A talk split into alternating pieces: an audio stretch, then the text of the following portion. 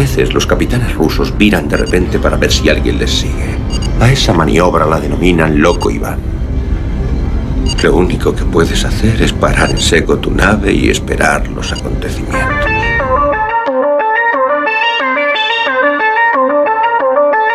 Yamasphere 347 of Space Patrol calling unidentified ship.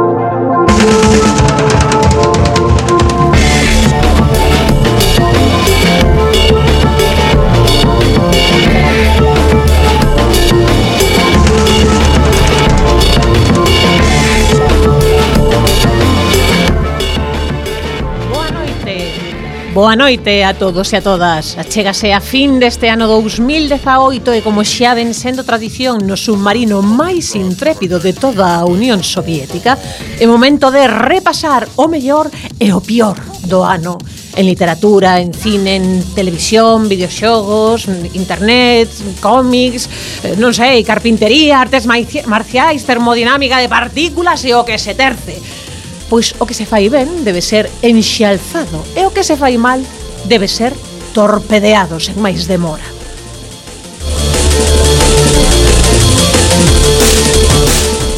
Ademais de torpedos, como sempre, teremos a mellor música, as novas máis fresquiñas, o relato máis excelso e a un entrevistado que sabe moito de estrelas e ven falarnos delas a quen non podemos velas dende as profundidades abisais do río Monelos. Security officer to verify your identity.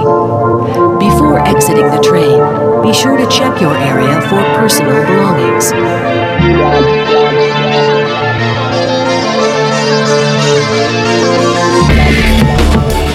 Todo isto non sería posible sen o señor Bugalov na sala de máquinas. Sen o xefe de cociña Birnarem. Halo, aquí estamos. Que xa algo estará pergeñando para a cea do fin de ano, espero. Eh, sí, é eh, que, bueno, algo. Mm, déixame moi tranquila. Sí. A miña dereita, como sempre, debe estar a dereita da capitana na sala de torpedos máis ocupado que nunca nun día como a hoxe, o camarada Lamelov. Boa noite, camarada, eu sempre á esquerda. E por suposto, o noso IMM particular, o noso intelectual moderno de merder, Tovarish Esmendrellev. Boa noite a todas e a todos. Sauda vos a capitana Svetlana Ibarruri Non picastes, que sodes moi inocentes Ai, meus pobres O a nosa gloriosa capitana Como é costume nestas datas, atopase repartindo comunismo entre as clases máis desfavorecidas que pronto se erguerán e farán rodar cabezas capitalistas. Así que no seu nome, saúda vos Beosca Ulolumova. Isto é Loco Iván, comezamos!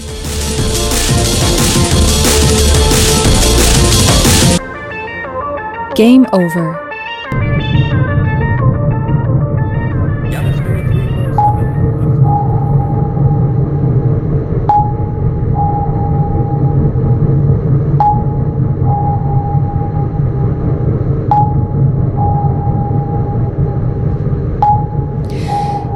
Lembramos que podedes participar neste submarino nucelar, xa sabedes, a través das redes sociais de arroba locoivancuac en Twitter, tendes locoivancuac en Facebook e tamén podes chamar en directo 881 0122 32 ou o WhatsApp ou Telegram 644 73 73 03. E, por suposto, como sempre sabedes que eh, neste submarino Vamos máis aló da Xenda Setting e presentamos as novas que non souberon ver ni nos medios máis recoñecidos como el ideal gallego ou a folla parroquial da Igrexa de San Nicolás. Arriba Periscopio!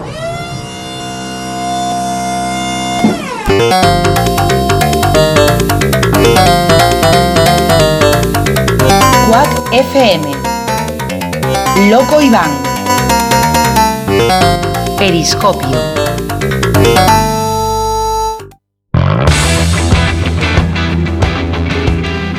Ben, pois inexplicablemente eh, Netflix prepara un remake eh, da película O Invisible Harvey que é un rico que ten como amigo a un coello invisible eh, protagonizada por James Stewart que gañou un Oscar por semellante película, o dano, digo, 50. Pois, bueno, está a cargo da fábrica de cine que tamén produce para Netflix de Irishman o novo de Martin Scorsese. O guión corre a cargo de David Stem e David Weiss, cuxos traballos máis coñecidos son Red Dog e os pitufos, o cal, bueno, pois igual pode mm. apuntar a cagarro Garantía, garantía Si, sí, garantía de cagarro sideral Dicían que ia a dirixir Spielberg, pero supoño que a ver os guionistas, pois dixo que non, supoño bueno.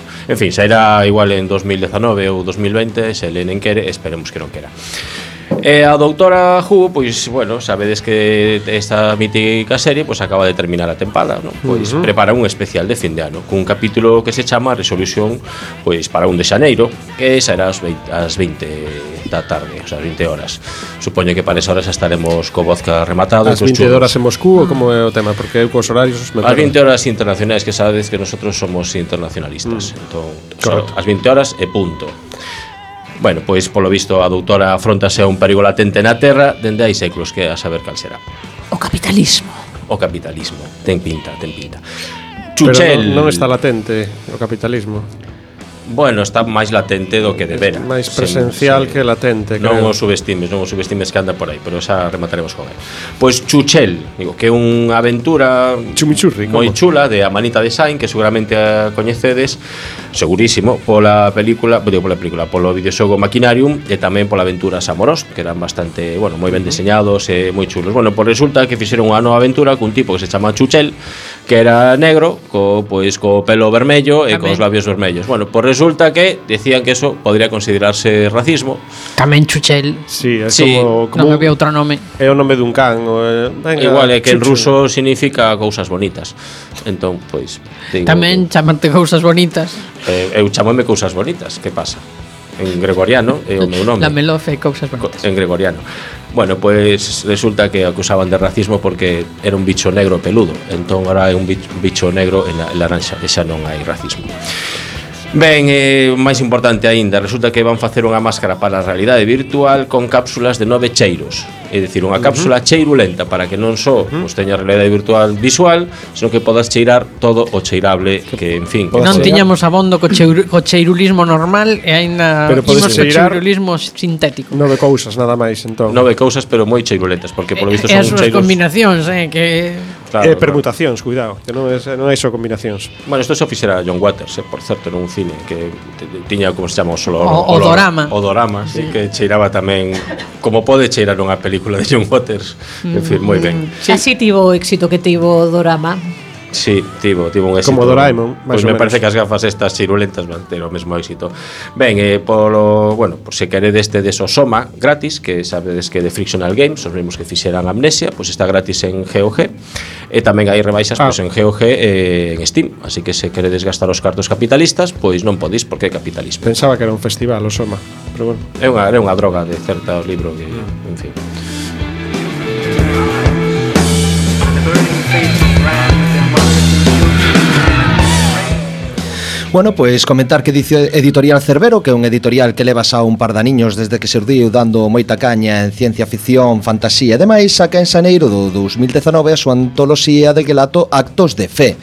Tras unha épica deliberación e tras ler e que ler máis de 156 propostas de, de xente de escritores diversos, as escritoras e seleccionadoras Cristina Jurado e Felicidad Martínez aprobaron esta antoloxía na que tenemos nomes pois moi famosos, non? Dentro do, do panorama aquí nacional como Eduardo Bacorizo e Alicia Pérez Gil e tamén algún que non conocen indios como Manuel Moledo que só menciono porque é daqui da, da Coruña, non? Eh, Bon tío, bueno. Non bueno, ou non tan bo, non eh, sei. Facía de Sandokan hai tempo. Sí, sí, hai un parecido, sí. Bueno, en esta ocasión a premisa é buscar relatos de ciencia ficción que buscase unha solución ao cambio climático e a falta de recursos. Algo así doado. Algo así doado. Sí, chupado. Chupadiño.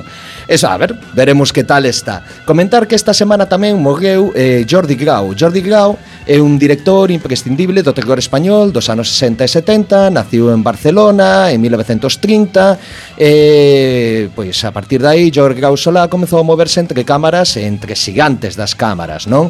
E, pois, por exemplo, axudando a José Luis Saez de Heredia con Ten rematado Gifles ou servir como asistente de dirección de Sergio Leone no Coloso de Rodas, E nada, pois logo chegaron películas que xa tiñan máis que ver co xénero de terror hasta chegar a Cerimonia Sanguenta, que por algo decir a cúspide deste, deste cabaleiro en 1973, que é un clásico de terror con Lucía Bosé, Espartaco Antoni, con historia basada un pouco na, na Condesa de Bázori. Non sei se a coñecedes.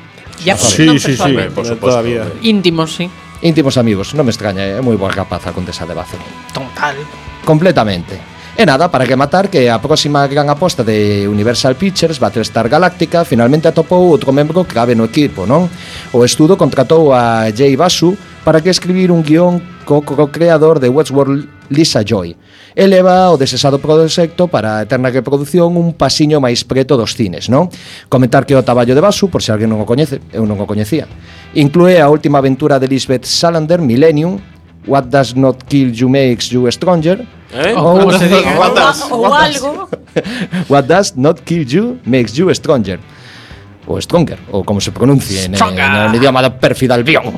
Cajo en diola. Strokonov, se pronuncia. E, e a próxima que me do eh, Los Ángeles eh, dos Ángeles, os Ansos dos Ansos, non sei. Non é que prometa moito vista a trayectoria do señor, pero caso que está aí o novo guionista de Battlestar Galáctica no cine. O sea, que volve Galáctica ao cinema. Eso parece. En, bueno, en Surround. De, estamos desesando vela. Ou con Surround. Total. Eh, eu traio unha noticia para, aparte dunha borracheira, eh, pois unha noticia para os amantes da ciencia ficción deprimente, eh, o sesa de Black Mirror, eh, que pois estrea algo como moi molón, non?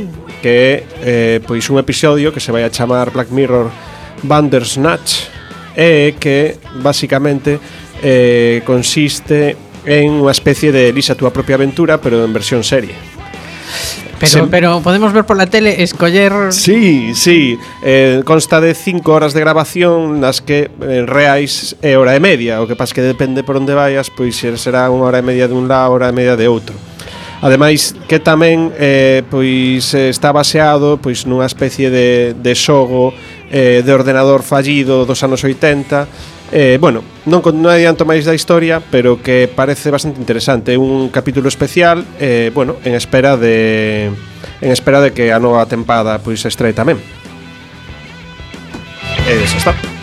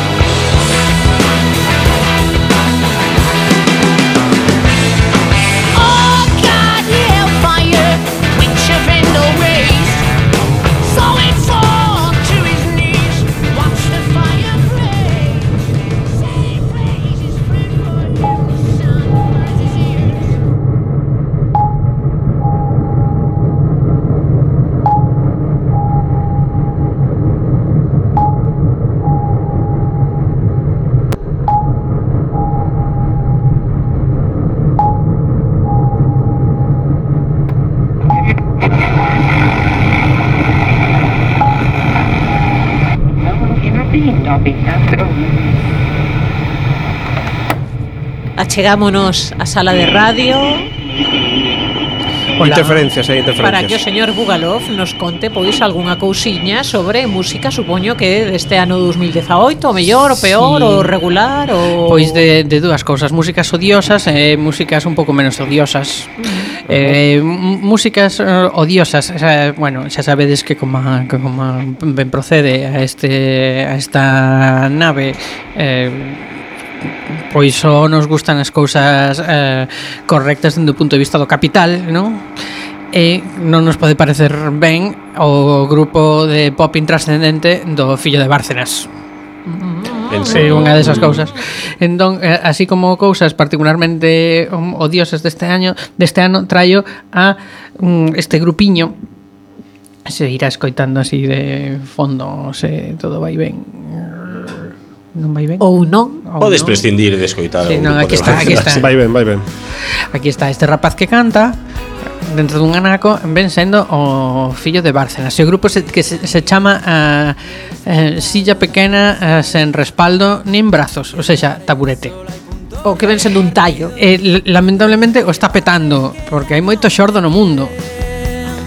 Oh, yeah. Se viaxaran en submarino. Con la firma se nos Estaba mellor cando non entraba a canción. Claro, sabedes, eu levo mal unha cousa, que que son os, os grupos musicais así eh, ñoños de, de con pouco tempo que se toman en serio. Eh, Aquí estes rapaces se toman en serio. Eu son máis dos grupos que non se toman en serio, o sea, que, que se toman de coña, eh, porque eu penso que mm, é a actitude correcta para, para o tema para a onda roqueira para non parar porque non, non tolero máis. sí, ben, recuperamos os autocretes eh, eh, sí. hai, o, hai aquí uns rapaces que sí que teñen máis potencial que teñen unha, unha onda un chisquiño máis eh, punk pop um, suave tampouco imos exagerar que son de Madrid. Mocedades. Eh, eh, sí, sí, el consorcio pero en plan en plan moderno que incluso falan do outro grupo. Un grupo este grupo oh, chamase Carolina Durante non sei por qué porque son cinco rapaces Eh, e teñen esta canción que mola mogollón que xa vos vou deixar así durante máis rato porque foi das cancións españolas e eh, que non quixen traer a Rosalía porque a todo alcalde di que lle mola, non, así non se pode. Entón, alcalde? o alcalde de Moscú, dixo no, que lle molaba. No, Joder, non creo que lle mole moito. Sí. En Moscú se porque foron moi Eu, eu só sei que en, en verán lle dixeron, "E que de cousa, que cousa, señor Ferreiro, lle gusta máis?" E dixo, "Que ou que, que lle ten boa pinta para este ano." Dixo, "Rosalía, joder, tres meses antes de que saíra o disco." Falaría do teatro igual. Falaría do teatro, claro, porque pe, te que defender. Petou na a tope. Entón, para non abondar nesa nese rollo traio a Carolina Durante, a ver que vos parece. Uno, dos, tres, cuatro.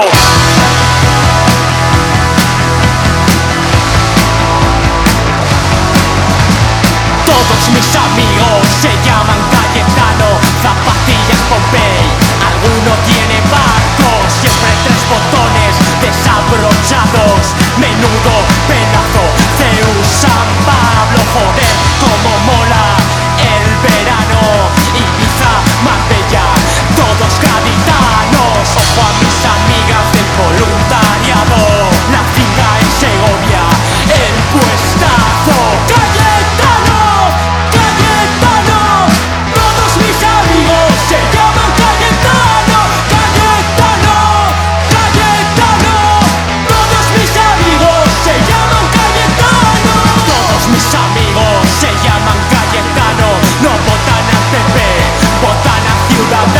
moral, taburete de brupazos en sus conciertos.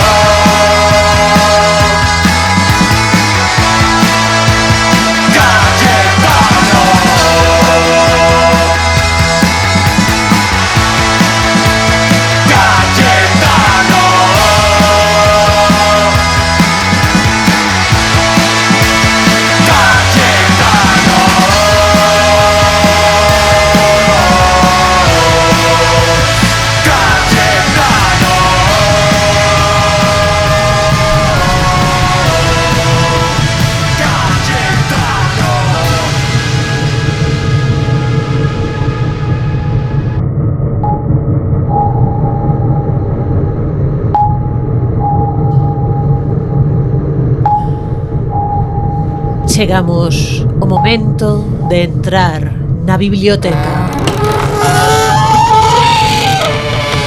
A ver, isto sí que debe ser unha inocentada. Non pode ser que a estas alturas do partido a porta sega sen ser amañada. Está estupendamente. Eh, eso lle tocaba a outro. Abre pecha, abre pecha. Non sei. Que máis queres? Bueno, bueno. Mira, hoxe imos falar de carbón alterado e alteradamente entendes a mí. En fin. Carbón alterado ou carbón modificado, altered carbon, en inglés, uh -huh. é unha novela de ciencia ficción, cyberpunk e hardboiled, sexa o que sexa iso, escrita no 2002 polo novelista británico Richard Morgan. Pasan 500 anos no futuro, nun universo no que o protectorado das Nacións Unidas supervisa unha serie de planetas extrasolares colonizados por humanos. Neste universo, a consciencia humana pode ser digitalizada e guardada en pilas, eh, transplantada en en corpos. Iso fai que a xente diferencie entre as persoas e a súa funda de carne. Se alguén comete un delito, pode ser executado, mm, borrado ou ben ser almacenado un período de tempo nun PC, todo moi práctico. Takeshi Kovacs, ex soldado da elite da ONU, é sacado do seu almacenamento para investigar a morte de Lawrence Bancroft, un millonario que leva vivo centos de anos cambiando de funda en funda. O chiste é que o propio asasinado Bancroft trae o de volta para investigar a súa propia morte. Se o millonario pode contalo é por unha copia de seguridade da súa consciencia que fai cada 48 horas. Bancroft di que foi asasinado. A policía di que se suicidou e agora non lembra os motivos o faltarlle esas últimas 48 horas. E Takeshi debe averiguar que pasou realmente. De momento, o único que sabe é que un asesino profesional con varias copias de sí mesmo en varios corpos, práctica por suposto prohibida, ven de tentar matalo, así que vai falar coa xente de policía Ortega para saber algo máis. Esta novela foi levada á serie con moito éxito por Netflix en 2018. Un dos torpedos vos do ano. Imos aló.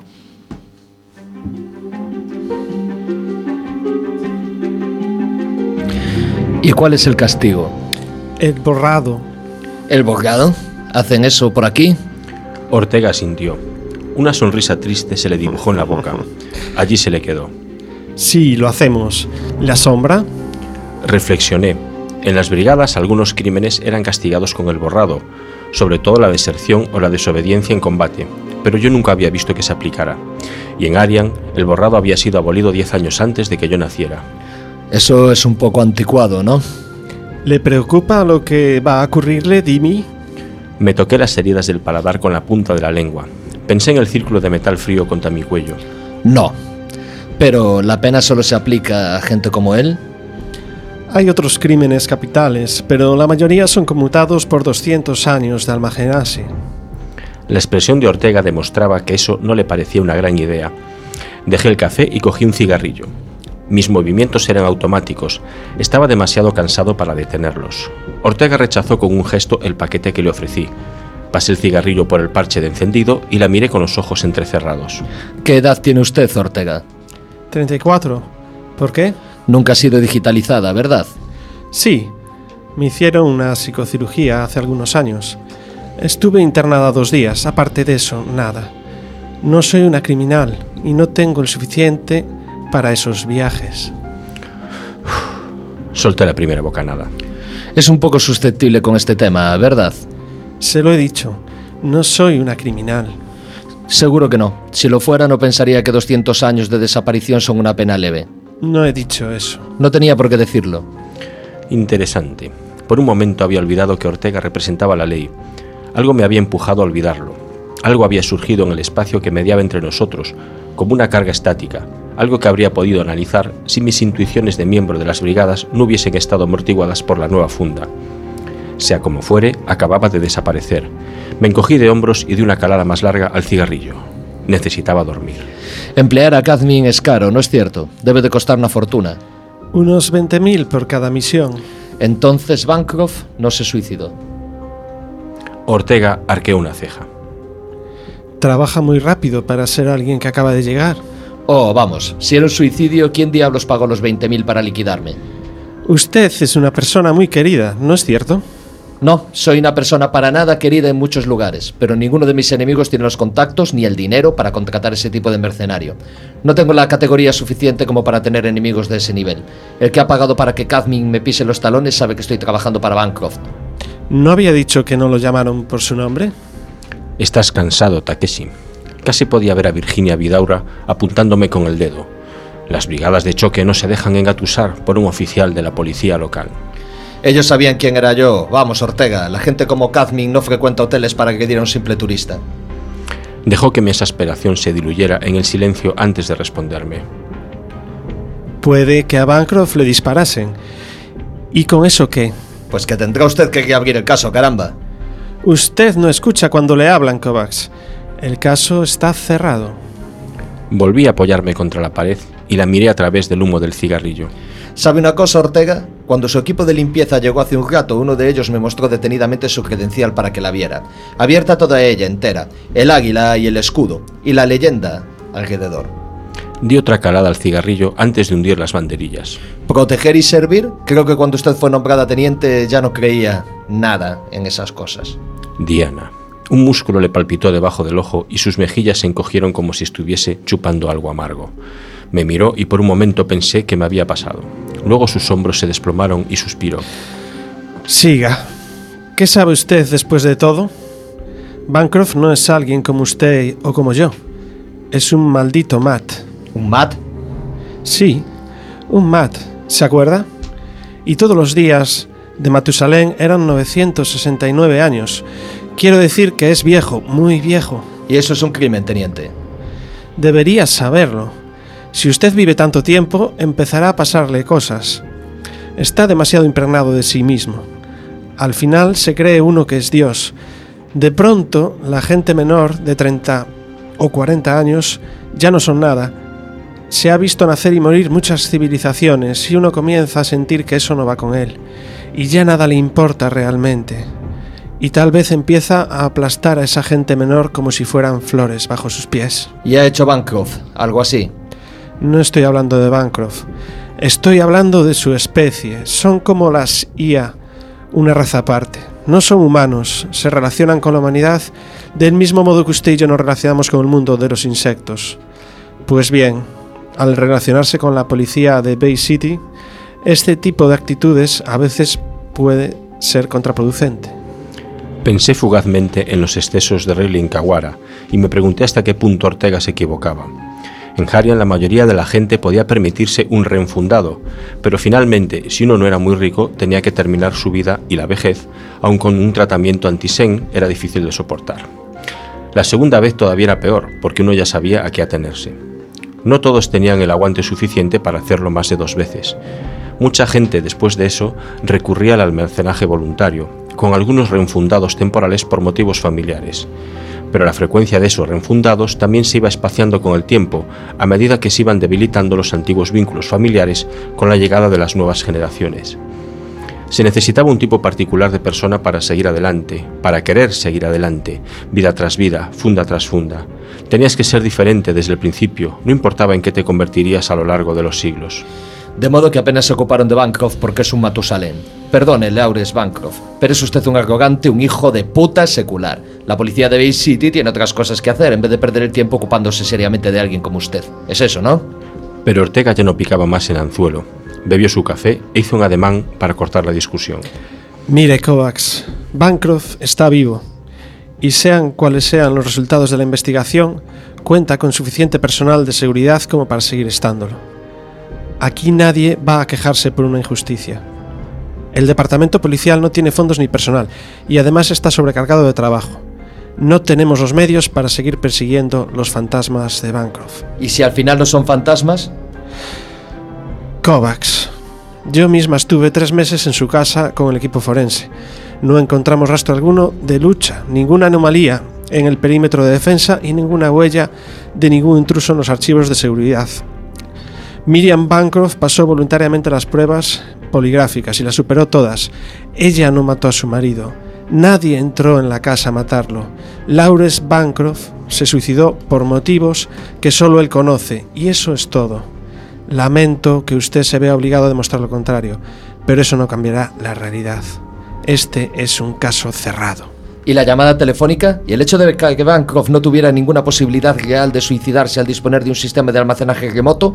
¿O que alguien imaginara que soy lo suficientemente importante como para mandar a matarme a Kazmin aquí? No voy a seguir discutiendo de esto con usted, Kovacs. Interrogaremos a Kazmin y descubriremos lo que él sabe. Por lo demás, ya he dado muchas vueltas a todo esto antes y el tema está empezando a aburrirme. Hay gente que nos necesita mucho más que Bancroft. Víctimas de muerte real que no tuvieron la suerte de tener un almacenaje remoto cuando su pila cortical les estalló. Católicos a los que se mata porque sus asesinos saben que sus víctimas no saldrán nunca del almacenaje para hacerlos arrestar. Víctimas de daños orgánicos que no tienen dinero para hacerse refundar, a menos que el Estado pueda demostrar algún tipo de responsabilidad por parte de alguien. Estuve examinando todos los datos del caso Bancroft todos los días durante 10 horas, o incluso más, y lo siento, pero ya no tengo más tiempo que perder con el señor Lawrence Bancroft, sus clones congelados, sus contactos de gente importante y sus brillantes abogados que nos hacen la vida imposible cada vez que algún miembro de la familia o de su equipo quiere darnos esquinazo. Y eso pasa a menudo. Muy a menudo. Pero no se asombre. Es un maldito Matt, y son todos iguales. Era un aspecto de su personalidad que no me gustaba, una discusión que no quería y una visión de Bancroft que no me servía de nada. Pero sobre todo, mis nervios necesitaban desesperadamente un descanso. Apagué el cigarrillo.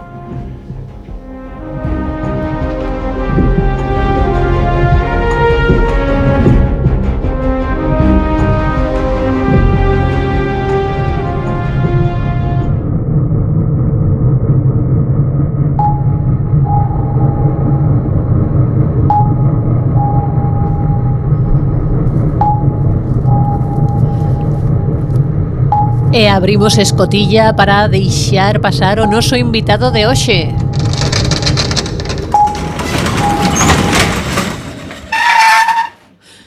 Borja Tosar, moi boa noite. Pase vostede por dentro e cuidado coa cabeza.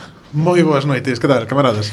Encantados de verde outra vez por aquí eh, Borja Tosar, astrónomo, divulgador científico eh, Camarada a tempo parcial Que xa estivo por aquí algunhas veces E estamos a punto a punto de chamalo Camarada Tosarov Se lle parece ben Bueno, está ben, está ben Eh, ven contarnos de cando en cando que é o que se move polo firmamento, pola ciencia, e hai que dicirlle, señor Tosarov, que nesta época casi non saímos do submarino, e cando saímos está nubrado, chove, todas esas cousas, así que confirmenos, en, de verdade segue habendo estrelas en inverno aí arriba, hai algo interesante no firmamento agora mesmo? Si, sí, segue habendo estrelas, eh, bueno, a astronomía é unha das cousas que ensina, eh, eh, se di normalmente que a astronomía ensina humildade, pero a verdade é que sobre todo en Galicia ensina paciencia, porque hai estrelas detrás dese manto de nubes que mira, xa, xa temos que ter en conta que na Terra de vez en cando despeja, o sea, en todos hai planetas no sistema solar no que está nu, nublado sempre. Uh -huh. Entonces aquí de vez en cando espeja hai que tener paciencia, pero cando espeja sí que hai unhas noites estreladas espectaculares. Especialmente en inverno podes pensar que en inverno é unha mala época para ir observar estrelas precisamente porque está moi nublado, porque hai moitas nubes, porque porque chove, pero sen embargo, o inverno eh, ten o frío, e o frío uh -huh. provoca moi facilmente as inversións térmicas, que, que é unha cousa que pasa especialmente no, nos, nos vales, que ocorre que queda unha capa de aire frío e iso permite unha observación clara, translúcida e os ceos máis espectaculares do, de todo o ano son nesas noites frías de inverno de inversión térmica que son realmente espectaculares con miles de estrelas eh, un ceo transparente e espectacular. O sea que paga pena ter paciencia e salir a observar estrelas a ceos negros. E pasar frío. E pasar frío. Bueno, teño sí. que decir que eso un pouco a ver, pasar frío eh, se vas ben abrigado que tens que ir... Claro, o que pasa na astronomía é que sempre que lle dis a xente ben abrigado, Isto pasa, por exemplo, moito nas perseidas. Unha rebequita e... Na chu, na, na chu, na, ojalá viñeran cunha rebequita, pero nas perseidas no, no brao, sempre dis, hai que vir abrigado aínda que sea brao E sempre aparece gente con alpargatas. eh, con chanclas. E claro, en, no brao en Galicia case morren de hipotermia algún. Uh -huh. Eh, pero ben abrigado con ropa térmica, con, con chaquetón bon, con, con jersey destos da, da boa, e tal, de todo isto e tal, e con dous pares de calcetines, botas, gorro e guantes, eu nunca pasei estufa. frío. Levas un montón de ropa e está. Eh, temos algo interesante agora mesmo no firmamento Teño entendido que hai por aí un cometa Que todavía se pode ver, creo Si, sí, o cometa Wirtanen É un, é un cometa Non, non ten un brillo especialmente grande, de feito, na, eh, nestes momentos está perdendo o brillo, o máximo de brillo foi o 16 ou 17 de decembro, fomento de máximo brillo, anticipouse un pouco a Navidade, eh, agora está perdendo o brillo. O brillo que ten, eh, se tes moi, moi boa vista, e vas un ceo moi, moi negro, moi, moi escuro, cunha claridade ex excepcional, igual podes chegar a velo simple vista. Uh -huh. Para os demais, eh, temos prismáticos. Sí. Cu, cuns prismáticos desos que tes na casa nun caixón por aí abandonado, uh -huh. colles os prismáticos, buscas en internet cometa Wirtanen, buscas un mapiña, está fácil de localizar cerca de Tauro, uh -huh. e se pode ver con prismáticos facilmente nestas noites. É, é o xeto máis espectacular que hai neste momento, e sobre todo porque é un xeto que, que vai e ven, o sea, é temporal. Uh -huh. Moi ben, eh, e eh, teño entendido tamén que en breve en xaneiro vai haber eh, un, un eclipse Pode ser? Sí, entende, eh, telo, telo entendido perfectamente. Okay. Fago eh, os meus deberes. Sí, sí, sí, non, pois ademais que é unha boa oportunidade para ver unha, un eclipse total de lúa, un eclipse total de lúa. Entonces, ademais que se ve en Galicia, eh, na península se ve en Galicia un trociño de Portugal, o sea, estamos nunha ubicación xusto no borde para ver o eclipse, o sea, que está moi ben. É o 21 de xaneiro, uh -huh. é un eclipse destos un pouco, de feito comentaba, ahora chamame un outro colega de, de medios de comunicación, e claro, Eh, falando do último eclipse de Galicia, era un eclipse que era fin de semana, principio da noite, sen fases parciais. Este é un eclipse un pouco máis fastidiado porque entre semana, é un mércores, uh -huh. creo que era un mércores, o 21 de xaneiro, non sei se é un mércores ou xoves, igual podo estar metendo un pouco pata, pero é un día de semana. Entonces é un pouco máis incómodo porque os que temos que traballar pola mañá, aínda que somos astrónomos, pois É unha mal. boa excusa para a noche de parranda. Ah, eu vou pedir o día, fijo. eh, Hai que esperar ás tres e media da madrugada para empezar a ver a, parcia, a parcialidade e ás 5 da mañá para ver a totalidade. Paga pena quedar experto hasta as 5 da mañá para ver a totalidade do eclipse eh, de lúa ou despertar moi, moi cedo. Isto é, este tipo de cousas son para xente que se acosta moi tarde ou xente que se levanta moi, moi cedo, non? Porque a verdade é que un eclipse de lúa total é realmente espectacular. A lúa tínguese de, de vermello, espectacular, eh, con prismáticos ten unha imaxe casi tridimensional, eh, eh, espectacular, é unha, é unha pasada. Eu teño ganas de que este despejado agora. Uh -huh. Eh, para ver ese fenómeno ou calquera outro fenómeno ou o ceo estrelado en xeral, cal diría vostede que é o, o mellor sitio da Coruña, o sitio con menos contaminación lumínica? Dentro da cidade ou nas... Eh, una... Elixa. Mira, decimos os dous. Dentro da cidade por medicións e cousas que, que andiven facendo fai tempo, eh, é curioso, pero a Plaza de Marte é un sitio... Eh, Moi propio. Non, non, é curioso, non, non é polo nome, é porque non sei que teñen as farolas e que teñen o torno que, que se ven bastante... O sea, para ser ce, no centro da cidade, increíble. É sorprendente uh -huh. o contraste negro que hai, non? E na zona dos Memires, no Parque da Torre tamén é boa zona. Uh -huh. E preto da cidade, a Zapateira, e lo canto máis te afastes, moitísimo mellor. Eh, eu, que me queda moi cómodo, para observar é o máis cómodo irse a Guitiriz, porque todo autopista é fácil chegar ali. Eh, ali en Guitiriz é o mellor ceo, que, eh, así en media hora que podemos ter en Coruña. Está, uh -huh. está moi ben. Nos últimos anos parece que hai certo interese en, en loitar contra a contaminación lumínica. Na súa experiencia ou na experiencia de outra xente que como vostede normalmente eh, mm, vai mirar as estrelas, eh, co telescopio todo isto, eh, na súa experiencia mm, funciona? Estáse facendo algo ou de momento non se nota moito? Mm, eu creo que non.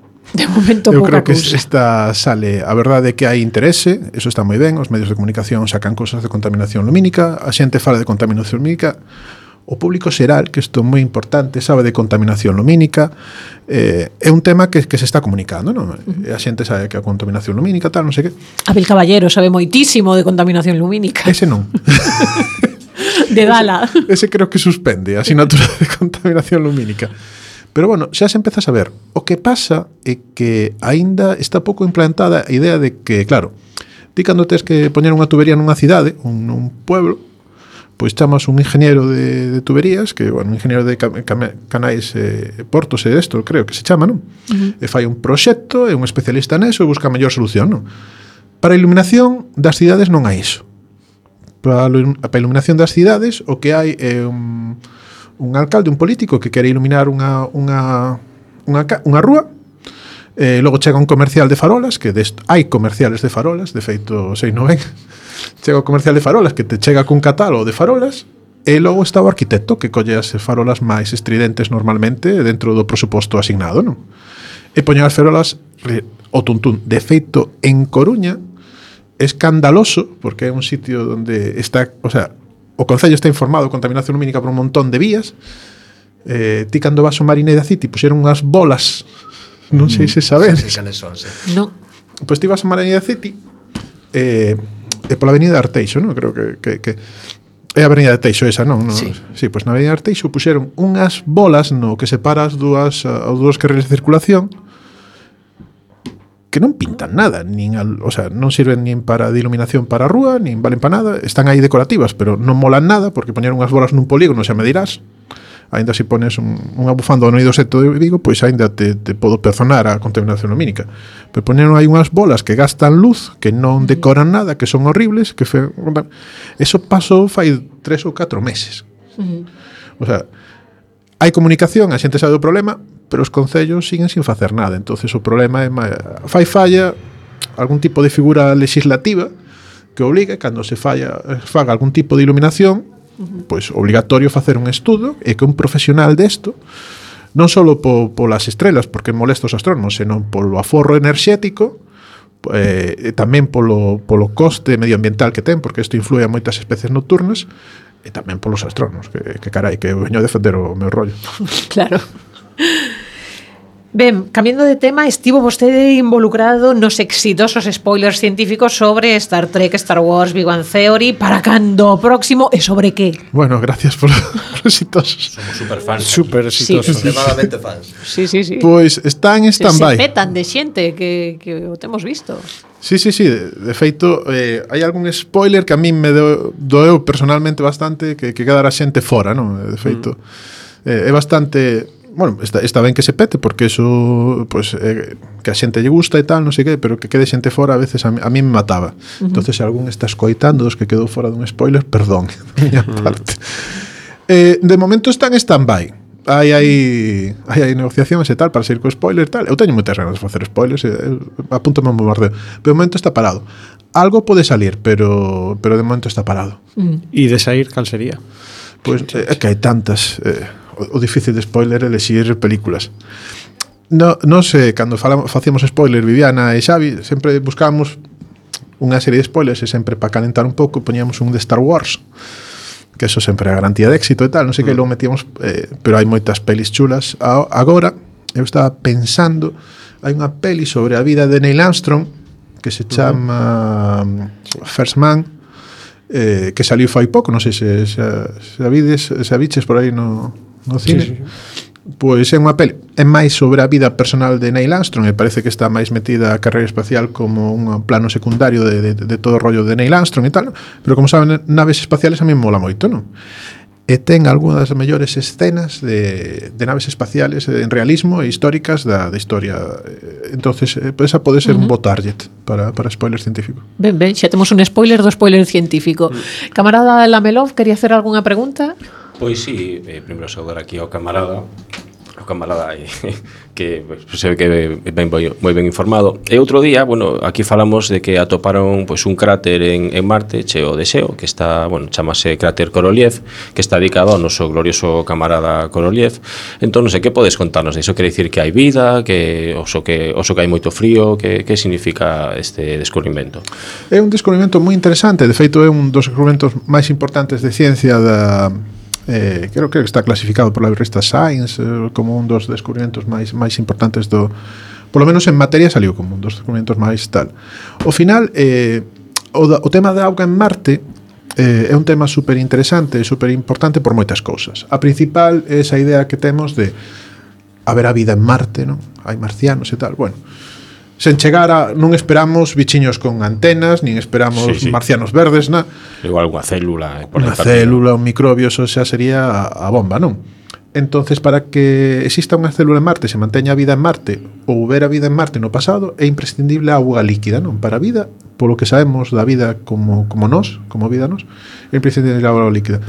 Que aparezca un, un cráter con xeo e tal, volve outra vez, é auga, o que pasa é que é auga conxelada, e a auga conxelada cando ten un grosor suficiente, pois pode ter auga líquida por debaixo en forma de lagos, de feito no lago Vostok na, na Antártida hai un lago conxelado por debaixo, E de feito hoxe, eh, aínda que non salen nos medios de comunicación, non se publica tal, a opinión planetolóxica que, que temos é que en Marte xa de, xa está bastante demostrado que hai auga líquida, polo menos no subsuelo, non? Entonces é un momento emocionante todos estos eh, descubrir un cráter con xeo que pode o xeo por presión pode ter un lago profundo de auga líquida e que poda haber vida como no lago Vostok na Antártida que está a 3 km de profundidade no xeo da Antártida. É moi interesante porque é outra fonte de búsqueda da vida. E logo tamén porque hai máis xeo eh, por exemplo, para, para cousas que traballo eu é interesante que o xeo tanto para facer novas atmósferas marcianas como para combustible, como para abastecer eh, eh xente que vaya ali a vivir no futuro. Uh -huh. E, bueno, e tamén pasou hai nada hai uns días que lanzaron pois un satélite galego pois nunha, ah, nunha sí. Soyuz que ten ese satélite, que vai facer? Vai facer grelos no espacio ou que? Oink, oink. O, ojalá. O, o miro leva Sabarín ali dentro. Levo Sabarín, pode ser. Ojalá, sí, isto é un equipo de Fernando Aguado da Universidade de Vigo que, que é unha pasada, verdad? Que fa, o que fan é unha pasada. Eh, o, o satélite, o que vai facer exactamente, eu creo que aparte de PINS, alguna medición científica eh, básica, eu creo que non lle dá moito tal porque a tecnoloxía do satélite é un satélite moi pequeno, é un microsatélite, pequeno como unha caixa de za zapatos, máis ou menos, creo que non. Como o Sputnik noso.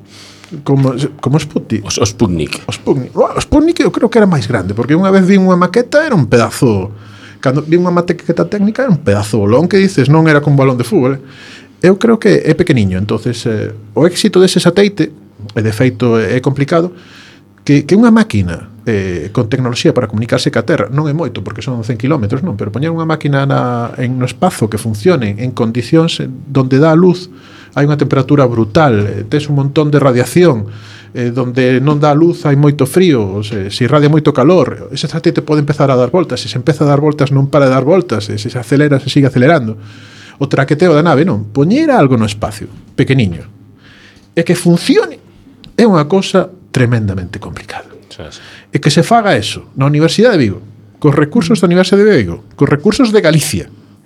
Que bueno, todo hai que dicilo, en Galicia temos moi boas cousas, pero conseguir recursos para... é un mérito do equipo de Fernando Aguado espectacular, que podamos teñer un, ter un satélite por aí galego pois pulando por aí. O Sacobeo, este era o Lume 1, creo, uh -huh. se non, se non me acordo mal, Eh, e xa simplemente tener, eh, ter xente estudiando, e un equipo estudiando, facendo satélites, poñendo satélites no espacio, e que esos satélites funcionen e manden un pin, e manden unha comunicación e te mide un campo magnético, eso, eso é eh, un anticipo dun, dun futuro brillante. Pois agardamos que chegue Borja Tosar, camarada Tosarov, moitísimas gracias por estar aquí. Nos indumos inda tirar un pouquiño de viaxe, así que se prefire quedar con nos un pouco para comentar o que falemos agora dos torpedos do ano. Está invitado, por suposto. Así que continuamos en lo que Iván. Moitas grazas. Moitísimas grazas a vos, encantado de estar aquí. Gracias. Gracias.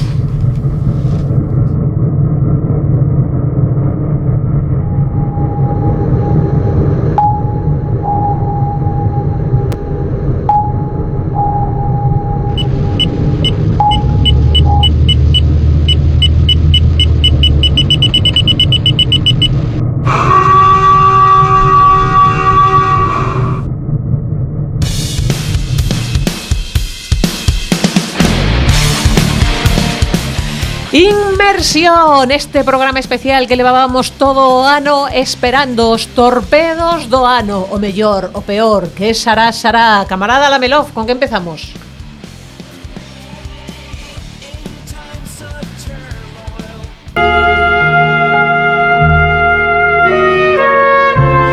Pois entre o mellor do ano hai que, bueno, imos polo menos no concretamente ao cine, digamos.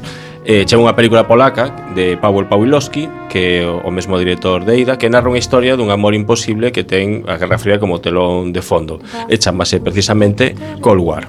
Bueno, sae Polonia, sae Yugoslavia, e unha historia pois, iso, de amor imposible nos anos 50, xusto en plena Guerra Fría, onde dúas persoas moi diferentes entre sí, pois teñen tamén situacións moi diferentes e eh, con moita, con moita dificultade. Moi recomendable.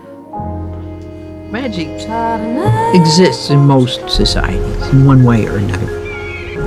I do make up things that didn't exist before by naming them. Ben, pues esa é a voz de, de Úrsula K. que este ano tristemente pois pues, desaparecida, eh bueno, unha grande escritora que como sabedes, pois de seus libros eh, maravillosos. Bueno, pois pues, este é un documental que saiu tamén este ano, dirixido por Arwen Curry, que fala pois da súa vida, da súa obra e dos seus mundos e tamén é recomendabilísimo. People always say, when did you decide you wanted to be a writer? And I never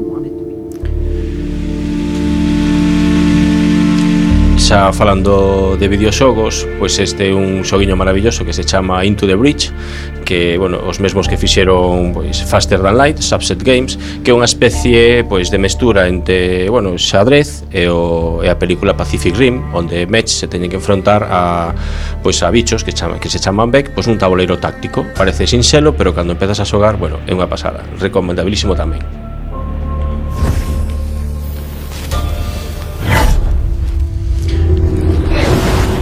É outro do que do que nos gusta a nós, pois pues, eh, espionaxe, eh, guerra fría, eh, asasinatos, conspiracións e combate táctico. Pois é Phantom Doctrine, que é un videoxogo estilo XCOM, pero de espionaxe, eh, onde tes incluso pois pues, que facer investigacións, pero en plan pois pues, un tabuleiro onde tes que ir pois sinalando pois as diferentes pistas, enredando unhas con outras, e eh, todo eso mesturado pois con tabuleiro de tamén de combate en tempo real.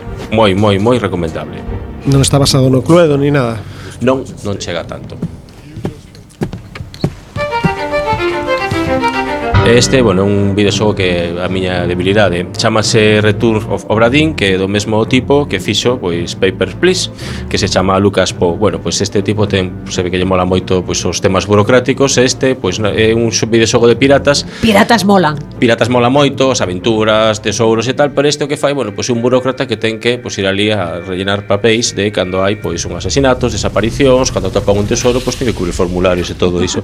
Entón ti fas do burócrata. Sona divertidísimo esa Es que- burocracia do pirata. é Mesmo na maravillosamente- tortuga nos, nos come a burocracia. Pois sí, sí, a burocracia e o terrorismo. Pois este é divertidísimo, recomendable 100%. Come on before she kicks off. Bueno, pois falando de literatura, a verdade é que este ano pois que hai hai cousiñas, eh? Hai cousiñas. Eh, primeiro destacar Nova York 2140, é unha noveliña editorial Minotauro eh, do autor King Stanley Robinson. Non sei se o coñecedes, eh, pois é un autor que se fixo moi famoso sacando a saga marciana da terraformación de Marte, Marte Verde, Marte Vermello e Marte Azul, non nese orde. O primeiro sería Marte Vermello, non? E bueno, pois esta persoa que é un escritor estupendo, sobre todo que basa eh, dentro do que é a Cifijarz as súas, as súas novelas, fai unha noveliña sobre un Nova York no que o cambio climático inundou a cidade e eso pois fai que a xente teña que cambiar a súa vida, ten que circular por canais, cada cascaceos é unha illa, adaptase a economía, hai novos movimentos políticos, etc. Un futuro verosímil que vale a pena ler. Este ano tamén publicouse en español Vástagos de Octavia Butler, eh, a famosísima escritora afroamericana de ciencia ficción. Esta novela concretamente escribiuse máis ou menos nos 70, a primeira vez que se traduce o, o castelán, e conta a historia de Dana, unha xoven negra que inexplicablemente se ve transportada desde o seu hogar en California no 1970 ata a Guerra Civil do Sur. É algo que paga a pena ver. Temos tamén que destacar a segunda parte de, de Dos ollos bizcos do sol, Antisolar, de Emilio Bueso, de Gigames, que xa sabedes que, bueno, Emilio Bueso encántanos porque é un tipo super gambelgo, enseñeiro el, e que en este caso ten unha historia que está basada nun mundo no que se utiliza a simbiose eh, cos moluscos como fonte de tecnoloxía, o cal pois non deixa de ser unha cousa peculiar, non? Tamén este ano se publicaron en castelán as dúas novelas eh, pola editorial Cononauta de, Ned, de bo, a ver se o pronuncio ben, Nedi o Corafor, que eh, publicaron 20 e 20 Home, pero traducidas ao castelán e que, que paga pena verlos. E tras estes torpedos vos, vou dicir un torpedo de merda. Este torpedo de merda é Bob Coiney who just do staff. Ou Bob Coiney who algo just así. do sí. staff. Ou algo así. De Sean Penn. Correcta. Sean Penn, 2018, do actor, efectivamente eh, gañador dun Oscar, esta sátira contra os Estados Unidos de Donald Trump, protagonizada por un vendedor de fosas sépticas que se convirte en asesino en serie, provocou non poucos comentarios como este. Por exemplo, The, The Guardian, repelente e estúpida en moitos aspectos. Parece máis a obra dun bot de internet que a dun ser humano. Ao menos non é tan mal escritor como Pamela Anderson. Esas son as opinións de The Guardian, non? Do Washington Post. Ou Salapen nunca deixe de ser actor e se mete escritor. Escribe como se compitese polo premio da Asociación Americana das Aliteracións polo nacional que viu, é dolorosa porque me que coñezo nela. Cando estaba no instituto escribía cousas parecidas.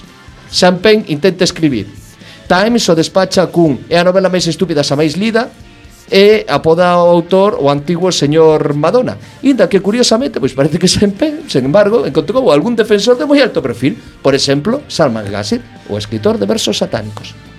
Vaya. Hai que mercar ese libro. Que me iba a esperar.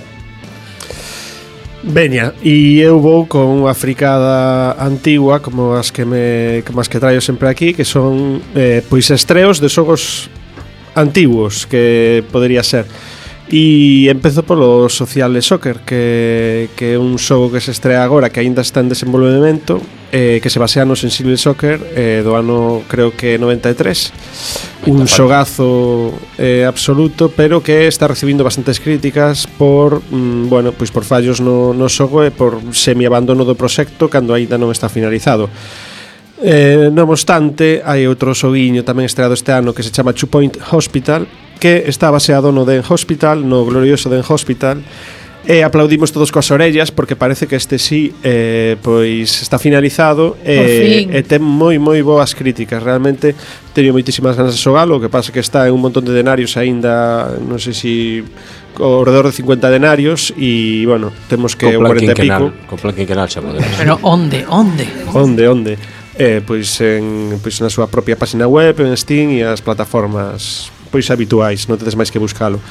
E se me dá tempo, pois eh, vou a facer aquí unha enquisa de cale a 30 segundos 30 enteiros, segundos. Te. Vale, pois cal, cale eh, pois a, a nova tempada de series clásicas que pois estrearon este ano, esa nova tempada que vos gustou máis. Temos a Westworld, Orange is the New Black, The Walking Dead, Fear the Walking Dead, The Deus, The Handmaid's Tale. Que opinades por aí? Sen dúbida. A segunda, está ben? Gustache? Eh, unha maravilla. Sí.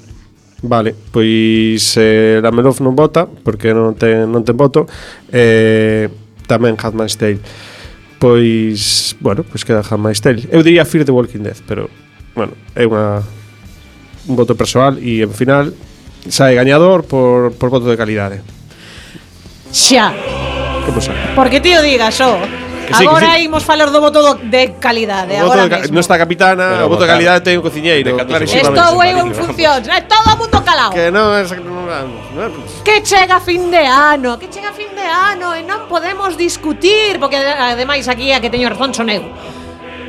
Coman moito, beban moita vodka, pero con moderación. Cheguen a fin de ano medianamente sobrios, pero tampouco tanto que un día é un día. E lembren que nos estaremos aquí en 2019, concretamente, o Benres que ven. Esperamos que xa coa capitana.